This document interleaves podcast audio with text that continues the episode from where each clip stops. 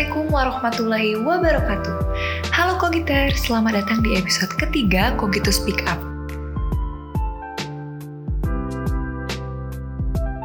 Perkenalkan aku Dea, Kogiters angkatan ketiga dari Departemen Inventaris yang akan berperan sebagai host pada episode kali ini.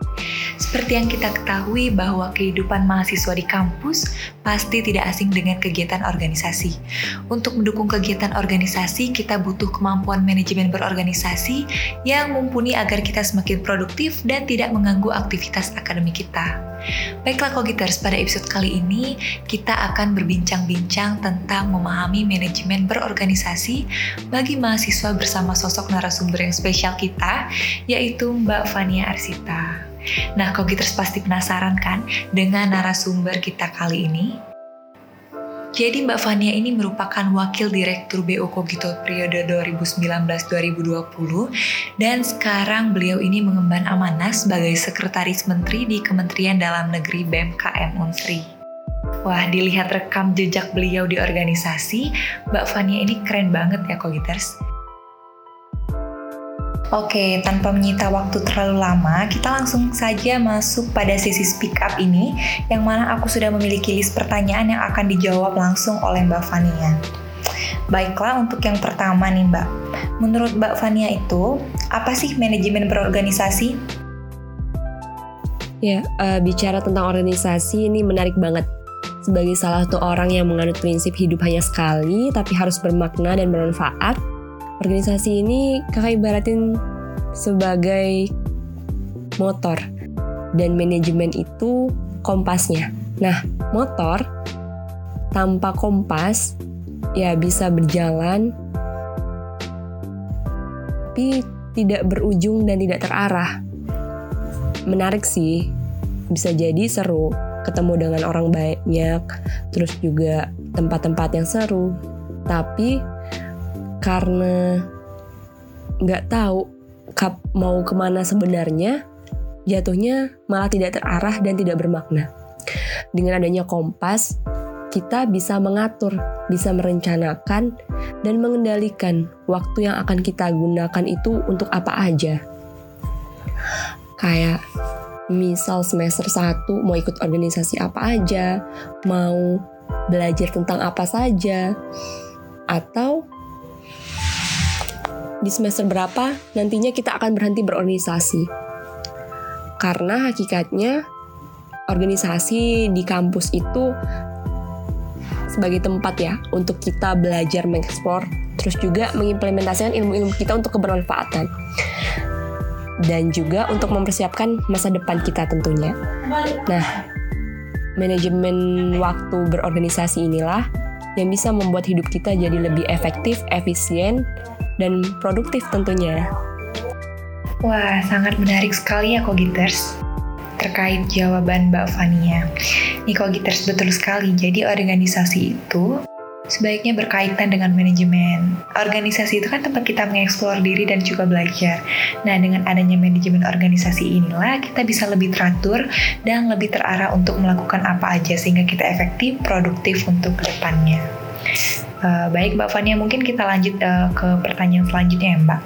Menurut Mbak nih, bagaimana cara atau tips dari Mbak untuk menerapkan manajemen berorganisasi yang baik bagi mahasiswa itu sendiri?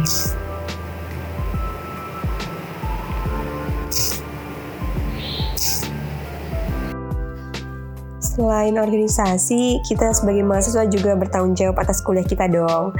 Kalau Kak Van, akademik itu nomor satu tapi organisasi di atasnya. Nah, gimana tuh? Ya, kalau bicara tentang manajemen waktu, itu dikembalikan ke diri kita masing-masing. Karena tentu kita lebih tahu dong kebiasaan dan kebutuhan diri kita. Tapi ada beberapa pertimbangan yang bisa kita lakuin. Yang pertama, itu catatan jadwal rutin kita. Entah itu jadwal kuliah, atau misal jadwal setiap hari Jumat ada kajian, atau setiap hari Minggu kita olahraga. Nah, kegiatan-kegiatan rutin yang harus ada itulah dicatat. Dan yang kemudian yang kedua waktu belajar yang produktif kita. Misal ada yang uh, setelah sholat subuh nggak tidur lagi untuk belajar ada yang di siang hari atau bahkan ada yang di tengah malam. Nah waktu-waktu itu luangnya disesuaikan dengan kebutuhan kita.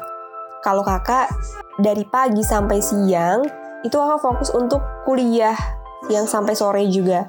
Kuliah dengan catatan benar-benar fokus mendengarkan uh, bahkan aktif gitu. Jadi kita itu udah dikenal dosen duluan.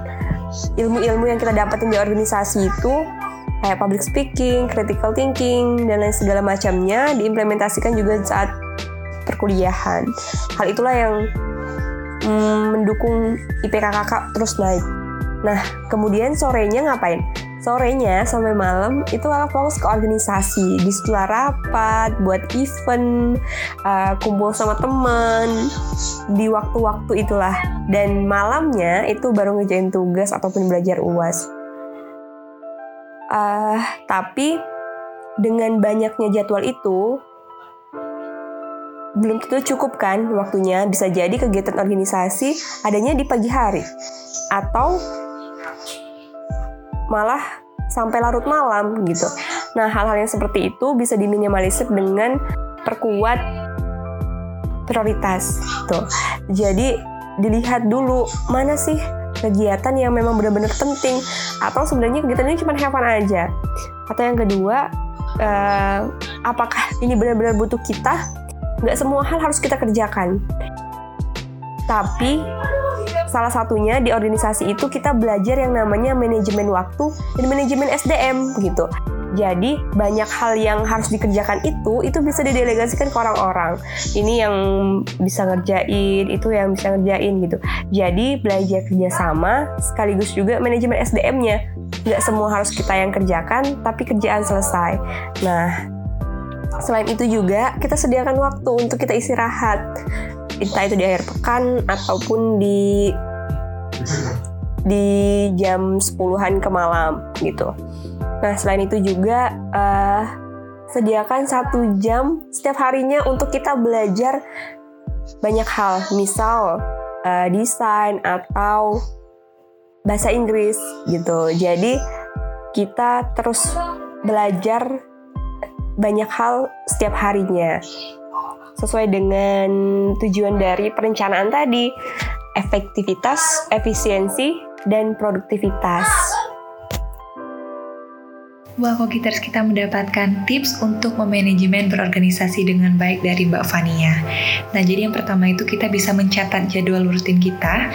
Yang kedua itu waktu belajar produktif kita itu apa dan bagaimana, sehingga kita bisa mengatur waktu kita dengan baik. Dan waktu tadi itu tidak terbuang sia-sia karena kita mengerjakan hal yang bermanfaat yang akan menunjang kita untuk ke depannya.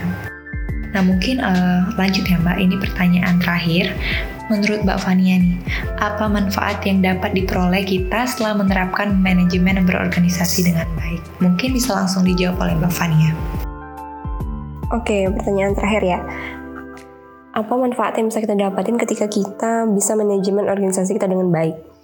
Jawabannya sih simple tapi itu penting, yaitu keseimbangan hidup.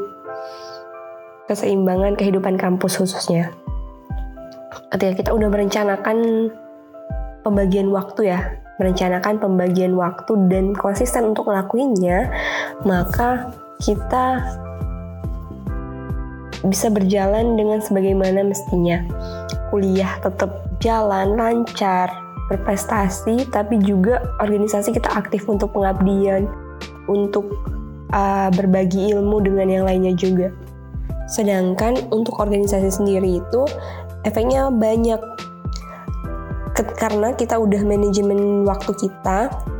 Misal dari ketika kita jadi anggota, maka kita fokus untuk belajar, untuk uh, membantu, mau diarahkan, berprestasi, tapi ketika kita jadi pengurus, kita udah fokus pada berkarya, mengkaryakan adik-adiknya, dan mencari regenerasi setelah kita. Karena pemimpin yang baik itu adalah pemimpin yang bisa menghasilkan pemimpin berikutnya. Sudah jadi kewajiban untuk kita mendapatkan ilmu dari setempat dan kita teruskan lagi ilmunya sehingga kebermanfaatan itu tidak berhenti. Jadi ketika kita punya waktu yang fokus untuk berorganisasi aja, untuk kuliah aja, maka kuliah tidak akan terganggu, uh, organisasi juga bisa berjalan dengan maksimal. Nah, kita bisa lulus dengan pencapaian itu. Jadi tidak timpang ketika kita hanya fokus ke organi ke akademik aja di selama kuliah maka kita tidak mendapatkan soft skill yang bisa terasa baik di organisasi misalnya tadi ya kerjasama critical thinking terus juga communication skill nah sedangkan kalau kita cuma fokus ke organisasi aja maka akademik kita gimana? Sedangkan IPK pun tidak ditampik ya. Itu menjadi persyaratan dalam dunia kerja walaupun tidak berpengaruh besar. Jadi semuanya tuh harus seimbang dan berjalan. Semangat untuk kita sendiri untuk bermanfaat diri untuk diri kita sendiri keluarga dan orang lain. Selesaikan dulu permasalahan pribadi kita baru untuk orang lain sehingga kita bisa lebih maksimal dan lebih bermanfaat bagi orang lain. Wah, sangat bagus sekali nih Kogiters jawaban dari Mbak Fania sendiri. Jadi ketika kita bisa memanajemen berorganisasi yang baik, maka kita bisa memiliki keseimbangan kehidupan, terutama dalam dunia perkuliahan.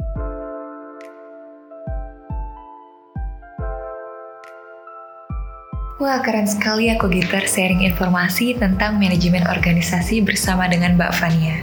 Setelah mendengar episode yang spesial ini, kami berharap Kogiters dapat memahami dan mengetahui tentang manajemen berorganisasi yang tentunya dapat Kogiters implementasikan di kegiatan kampus dengan baik.